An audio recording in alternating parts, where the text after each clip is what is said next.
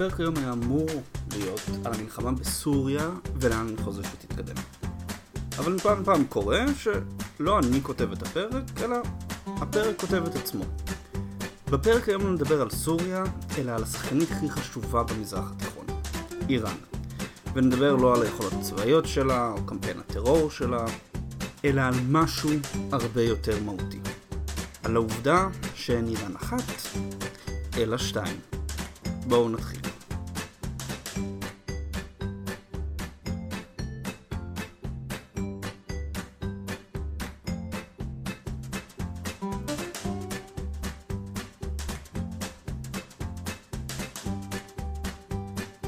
אני רוצה לפתוח ולהגיד שאתם קוראים ומאזינים תמיד מוזמנים להציע הצעות ולהעיר הערות.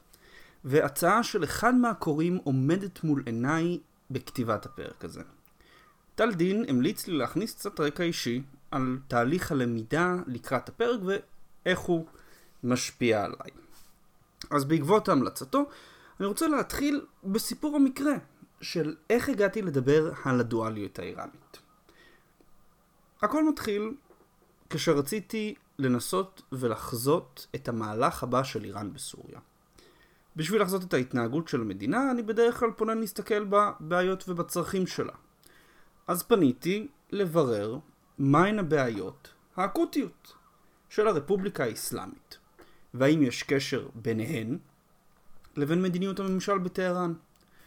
וכאן נתקלתי בתעלומה. אין שום קשר בין הבעיה הכי חמורה של איראן ובין מדיניות הממשלה שלה. הבעיה שגיליתי היא משבר המים המתקרב ובא של איראן. מים הם מצרך נדיר בכל מקום, גם באיראן. כבר היום 500 ערים במדינה מתמודדות עם מחסור במי שתייה בתקופת הקיץ. ב-2013 התבטא בכיר איראני שהאיום הגדול ביותר על עצם קיום המדינה הוא משבר המים. ודוח של האו"ם מ-2016 מזהיר שתוך 20 שנה אזורים נרחבים במדינה עתידים להיות לא ראויים למחיית אדם. במילים אחרות, בעוד מספר שנים, מיליונים באיראן עלולים למצוא את עצמם ללא בית ולנדוד לאזורים אחרים במה שיהיה אחת מהנדידות ההמוניות הגדולות ביותר של המאה הנוכחית. והבעיה של המחסור במים אינה תוצאה של איזו חריגה בצריכת המים או בנפילה בכמות המשקעים, אלא היא תוצאה של שתי תופעות ארוכות טווח. הזנחה ובצורת. להזנחה כמה היבטים. ראשית, מאז 1980 האוכלוסייה במדינה הכפילה את עצמה, ללא מאמץ מצד הרשויות למצוא מקורות מים נוספים. כלומר, האוכלוסייה מכפילה את עצמה, משק המים נשאר באותו גודל. מה שכבר יכול להסביר למה עם הזמן יש פחות מים בשביל לשתות. שנית, מאז שנות התשעים הממשלה מסבסדת מוצרים רבים, ביניהם דלק, חשמל ומים. הסבסוד הוא הסיבה שבמדינה שרובה מדברית, שבה מים נדירים, צריכת המים לנפש דומה לזו בארצות הברית, אסטוניה או אקוודור. אוקיי? שלוש מדינות שופעות במים, בניגוד לאיראן. ושלישית, רוב צריכת המים באיראן היא אפילו לא פרטית. 90% מצריכת המים היא לטובת חקלאות, המציגה יעילות שימוש במים של בין 30 ל-35%, הרבה פחות מממוצע עולמי העומד על 75%. כלומר, איראן, קודם כל, לא עשתה ניסיון להגדיל את משק המים, היא מסבסדת צריכה מוגזמת של המים, והצרכן הכי גדול שלה משתמש באופן לא יעיל במים. שלושת ההיבטים של הזנחה. מה בנוגע לבצורת? אז למקרה ולא שמתם לב, המזרח התיכון כולו חווה בצורת חמורה מאז 1998, כמעט 20 שנה.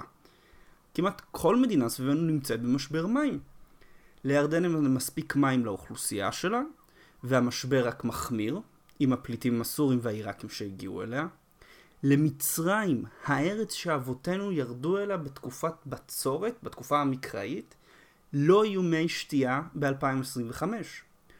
וסוריה היא בכלל דוגמה מדהימה למה בצורת יכולה לעשות למדינה. ב-2006 בצורת חריפה בסוריה ייבשה אדמות חקלאיות בצפון המדינה. חקלאים נאלצו לעזוב את בתיהם ולהגר לערים, בתקווה למצוא פרנסה. רובם כמובן, כי מה לעשות, אין יותר מדי עבודות, הפכו למובטלים, והממשל הסורי, במקום לתמוך בהתאגדויות מקומיות של, חסלאי, של חקלאים, ניסו לחסל אותם. הממשל ראה בהתאגדויות המקומיות של החקלאים איום על השלטון המרכזי שלו, ולכן ניסה להעלים אותו. אז החקלאים איבדו לא רק עבודה, אלא גם את מערכות התמיכה החברתיות שעוד נותרו להם שיתמכו בהם בערים. וככה לאט לאט נבנה חוסר נחת מהשלטון. כשמחירי המזון קפצו ב-2011, ומחירי המזון קפצו בכל העולם, זו גם הסיבה מאחורי המהומות בתוניסיה ובמצרים, החקלאים המובטלים, הזועמים והרעבים יצאו לרחובות להפגין. את ההמשך של הסיפור הזה כולנו מכירים. אסד חשב למעוך את המפגינים בכוח הזרוע, חלקים בצבא שלו מרדו בו, מיליציות זרות חדרו למדינה, ומפה לשם תוך חמש שנים סוריה כבר לא איתנו. המדינה היחידה באזור שלא סובלת ממשבר מים קיומי היא אנחנו. הודות למפעלי התפלה, מחזור מים ושימוש מושכל בהם, אנחנו נהנים מרמת חיים מערבית באזור שמתייבש במהירות. אז הנה עוד משהו להודות עליו כשקמים בבוקר. נחזור לענייננו. איראן עומדת להתייבש. לא אולי להתייבש, לא מתישהו להתייבש, לא מעט להתייבש. עד 2030 איראן תהיה ברובה מדבר שלא יהיה ראוי לבני אדם. עם התובנה הזו, הדבר הרציונלי להניח הוא שהממשל בטהרן יפעל במלוא העוצמה ובמלוא המרץ להתמודד עם המשבר המתקרב.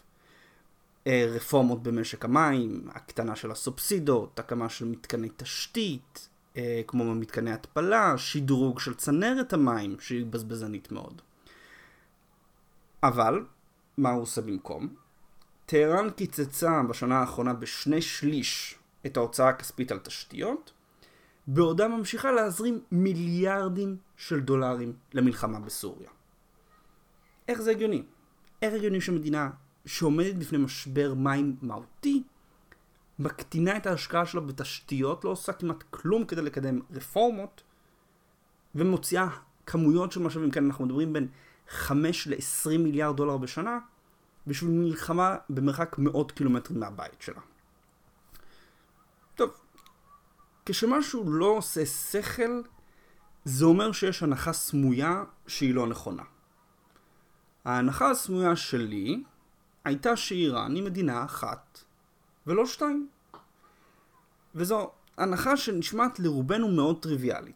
כן? איך מדינה יכולה בכלל להיות שניים?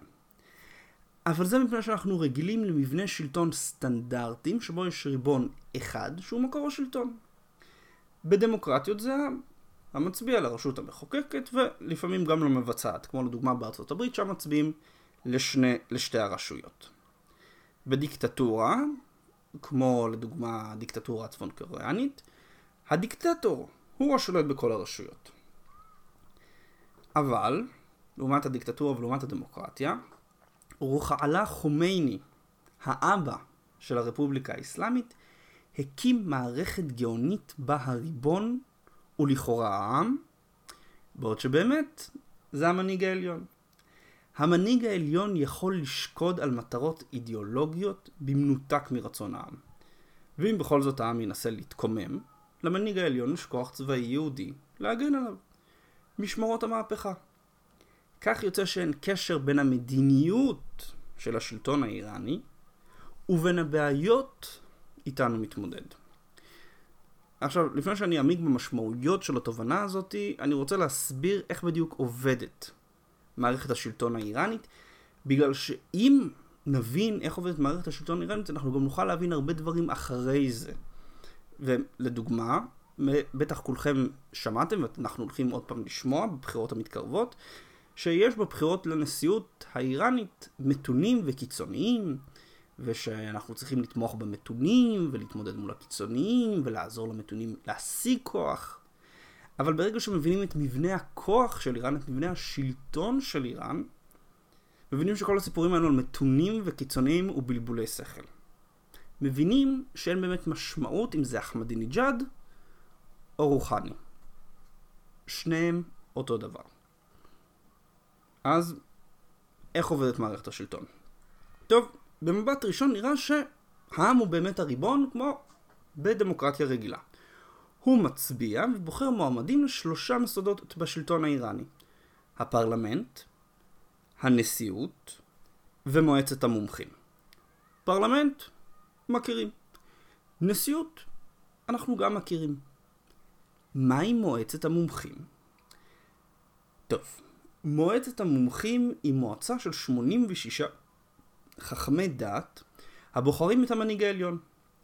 תאורטית, הם הגוף המפקח על המנהיג העליון והוא גם יכול להדיח אותו. מעשית, הם חותמת הגומי שלו. ועוד רגע נגיע למה. אוקיי, אז העם מצביע לנשיאות, לפרלמנט ולמועצת המומחים. מועצת המומחים בוחרת את המנהיג העליון. מינוי שהוא אגב לכל החיים, בניגוד לנשיא שהוא מינוי של ארבע שנים, ובמקסימום נשיא יכול להיבחר פעמיים, כלומר במקסימום שמונה שנים. ומה המנהיג העליון עושה? טוב, המנהיג העליון הוא ראש הכוחות המזוינים של איראן, והוא ראש המועצה לביטחון לאומי של איראן.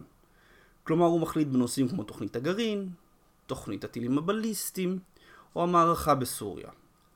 הוא מחליט, ולא הנשיא, הוא מחליט, ולא הפרלמנט או הקבינט. המנהיג העליון גם ממנה את ראשי ערוצי הטלוויזיה והרדיו, הרדיו, את ראש הרשות השופטת, ושישה חברים מתוך 12 במועצת השומרים. וכאן אנחנו מגיעים לגאונות האמיתית של המערכת. מועצת השומרים מורכבת מ-12 חברים. שישה חכמי דעת שממנה המנהיג העליון, ושישה עורכי דין עליהם ממליץ ראש הרשות השופטת. מהי מועצת השומרים? טוב, מועצת השומרים היא הגוף שבעצם הופך את כל הדמוקרטיה האיראנית לריקה מתוכן. המועצה מאשרת את רשימת המתמודדים לנשיאות, לפרלמנט ולמועצת המומחים, כן, אותה מועצה שבוחרת את המנהיג העליון, ויש לה זכות וטו על כל חוק שהפרלמנט מחוקק. כלומר, הם בוחרים מי יכול להיבחר לנשיאות, מי יכול להיבחר לפרלמנט ומי יכול להיבחר למועצת המומחים. ומה שבאמת גאוני במועצת השומרים היא שהיא בפועל מינוי של איש אחד, המנהיג העליון. איך? הוא ממנה באופן ישיר חצי מהמועצה, כן? שישה חכמי דת. אבל הוא גם מאשר את ההמלצות של ראש המועצה השופטת, שהוא בעצמו מינוי של המנהיג העליון. כלומר, המנהיג העליון מאשר המלצות למינויים של מישהו שהוא אישר בעצמו את המינוי שלו. וכך, מועצת השומרים היא בסך הכל כסות לשליטה המוחלטת של המנהיג העליון בכל היבט של השלטון באיראן. הוא בוחר מי יכול להתמודד להיות נשיא, הוא בוחר מי יכול להיות בפרלמנט, הוא בוחר מי יכול להיות במועצת המומחים, הגוף היחיד שמפקח עליו. וכך יוצא שבזמן שבפועל איראן היא דיקטטורה של אדם אחד, היא יכולה להתחבא כדמוקרטיה, כי יש מועצות, יש מינויים, יש בחירות, יש פרלמנט, יש נשיאות. לכאורה, איראן דמוקרטיה.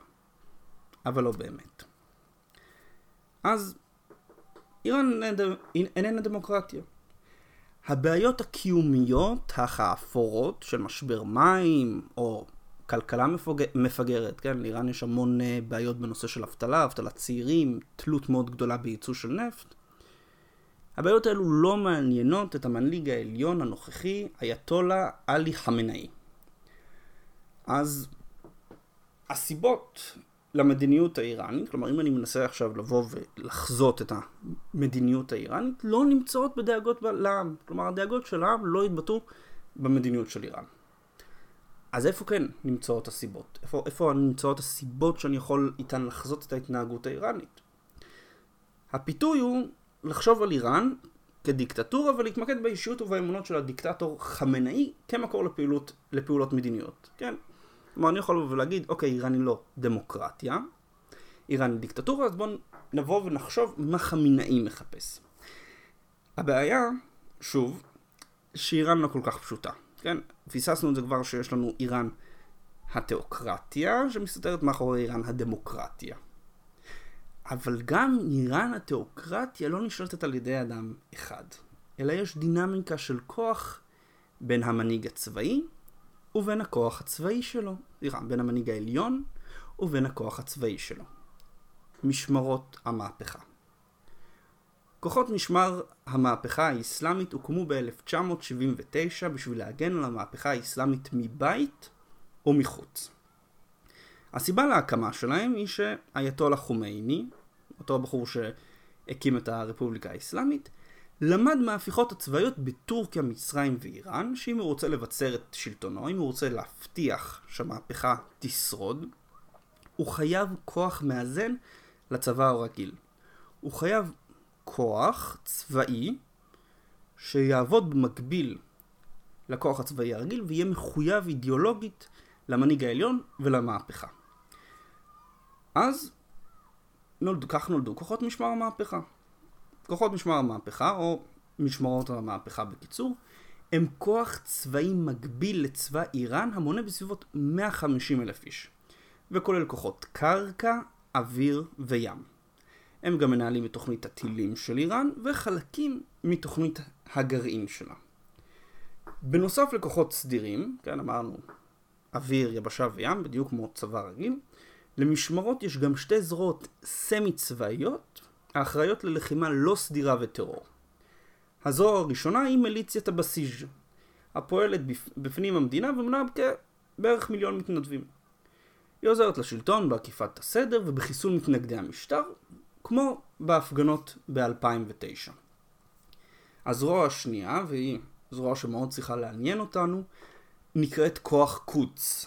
יחידת עילית, מונה בסביבות 15,000 איש, האחראית לרוב פעילות הטרור של איראן מחוץ למדינה. כוח קודס היה אחראי להקמת חיזבאללה בשנות ה-80, והוא כיום הגוף המרכזי שמנהל את הלחימה מטעם האיראנים בסוריה. אגב, אם תהיתם, כן, הכוונה בקודס לירושלים. רשמית מטרת הארגון לשחרר את ירושלים מן השלטון הציוני. על הדרך הם עזרו בהקמת מיליציות וארגוני טרור במזרח התיכון וביצוע פיגועים נגד מטרות ישראליות ויהודיות. ויהודיות. הכוח נחשב לזרוע הארוכה של איראן והוא מאוד יעיל במה שהוא עושה. אז בואו נחזור לענייננו אבל משמרות המהפכה הם הכוח הצבאי של המנהיג העליון. בלעדיהם הוא חשוף להפיכה, אם מצד העם באיראן ואם מצד הצבא הרגיל. משמרות המהפכה בעצם מבטיחים את כיסאו. וכאן חשוב לשים לב למשהו. משמרות המהפכה הם לא רק גוף צבאי המקבל את הפקודות שלו מגבוה ומבצע. עם השנים הם הפכו לגוף כלכלי משמעותי השולט בתעשיות אסטרטגיות במדינה ויותר מכך. הודות להפרטה המסיבית שהתחילה ב-2005, משמרות המהפכה שולטים היום בשליש מהתוצר המקומי הגולמי של איראן. כלומר, הם שולטים בשליש מהחברות שמרכיבות את הכלכלה האיראנית. הם שולטים במפעלי מכוניות, בחברות בנייה ותשתית, בנקים ועוד. הרווח העצום הזה חוזר למשמרות המהפכה, והם משתמשים בו למימון של טרור, לקניית כוח פוליטי, ולרפד את הכיסים של בכירים בארגון. המשמעות היא שלמשמרות המהפכה יש אינטרסים כלכליים ופוליטיים המשתלבים ביחד עם אידיאולוגיה קיצונית של הפצת המהפכה האסלאמית. בגלל אותם אינטרסים כלכליים שיש להם, בגלל השליטה העצומה שיש להם בשוק ובכלכלה האיראנית, הם מתנגדים לדוגמה לרפורמות בכלכלה, כי זה יכול לפגוע להם ברווחיות ולפגוע ברווחיות שלהם מהשוק השחור. ובנוסף, הם מעודדים מצב מתמיד של מתיחות ומלחמה, בשביל להצדיק הזרמת עוד תקציבים וכוח אליהם.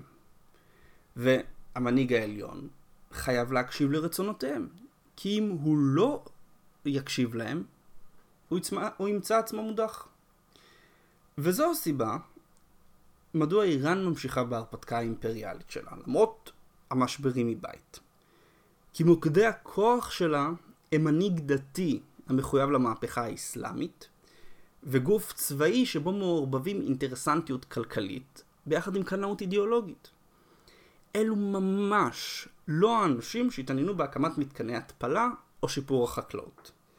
והדבר הכי אירוני זה שהם רואים בנו אויב, במדינה היחידה שיכולה לעזור לאיראן להתמודד עם המשבר במים. טוב, אז התחלנו בהבנת הדיסוננס בין הבעיות של איראן והמדיניות שלה. המשכנו בהבנת מבנה הכוח שבה, בהכתרת, בהכרת הדיקטטורה שמתחפשת לדמוקרטיה, ובצמד ששולט בכל העסק. המנהיג העליון ומשמרות המהפכה. ומשמרות המהפכה עצמם אינם גוף קוהרנטי, בעל רצון אחד, אלא הוא מכיל אינטרסים כלכליים ביחד עם פנאטים לאומניים. אחת הדוגמאות הכי ידועות של פנאטים לאומניים במשמרות המהפכה הוא קאסם סולימני, ראש כוח קודס הנוכחי, שכיום הוא של זה שמנהל את הכוח בסוריה. מכאן שאם איראן לא מנוהלת על ידי גוף קוהרנטי, אלא על ידי שני גופים, מנהיג העליון, משמרות המהפכה שיש להם כמה וכמה אינטרסים, הרי שמדיניות החוץ שלה היא פחות מתוכננת ממה שנראה במבט ראשון, ואינה מובלת על ידי תכנון קר ואיזשהו היבט אסטרטגי כולל, כי אם על ידי אופורטוניזם. כפי שאמר דיפלומט מערבי באוזני כתב הניו יורקר, בנוגע לרשת הטרור של איראן, לאף אחד בטהרן לא הייתה תוכנית על להקמת ציר ההתנגדות, הכוונה בציר ההתנגדות לארגוני הטרור של איראן מעיראק עד לבנון, אלא הזדמנויות הציגו את עצמן והן מימשו אותן. איראן ניצלה הזדמנויות בשנות ה-80 בלבנון עם הקמת חיזבאללה, והיא עשתה דברים דומים בתימן, עיראק וסוריה. ניצול הזדמנויות הוא מה שהביא אותה לרמת הגולן ולבנון, הוא מה שהביא אותה למצב שבו היום התקשורת שלנו סוף סוף התעוררה לה להכריז האיראנים על הגבול. וככל שאחיזתה תגדל בסוריה, היא תמשיך ותחזק את חיזבאללה ככוח מאזן לצה"ל, ותמשיך ותחפש נקודות תורפה נוספות לפגוע בנו. כי שוב, היא אינטרסנטית. כי שוב, היא מובלת על ידי אנשים שבסופו של דבר מחפשים דרכים להמשיך ולנוע. לנסות ולהכיל אותה, או אפילו להגיע למלחמה קרה איתה, לא יכולים לעבוד. מפני שהיא מובלת על ידי גופים דינמיים, שחייבים כל הזמן להיות בתנועה. כן? משמרות המהפכה לא יכולים לחיות בתוך מצב של שלום קר. כי הם חייבים כל הזמן להצדיק את הכוח הפוליטי הגדול שיש להם, ואת הכוח הכלכלי הגדול שיש להם באיראן, והמנהיג העליון חייב להשאיר את העם כל הזמן באיזושהי תחושה של נרדפות, אחרת מתישהו הם יבינו שכל העסק השלטוני מסריח. ולכן הברירה היחידה שיש לנו היא להכות באופן משמעותי בנוכחות שלה בסוריה ובלבנון. כי אם ניתן לה להתחפר שם, היא בסוף תגיע אלינו. ולפי המהלכים האחרונים של נתניהו, אנחנו כנראה כבר בדרך לשם. תודה לכם על ההקשבה. זה הכל היום על איראן. שוב מודה לכם על ההקשבה ומזמין אתכם, אם אתם רוצים להמשיך ולנהל דיון על הערות, על נקודות שהועלו בפרק, אם אתם רוצים לתת הערות או לקרוא עוד מאמרים, אני מזמין אתכם לעקוב אחריי בבלוג או אחריי בדף הפייסבוק. ואני מקווה לראות אתכם גם בחודש הבא, כשנמשיך לעסוק בסוגיות הגיאופוליטיות שכל כך, שכל כך מגדירות את העולם שלנו ואת המציאות שלנו.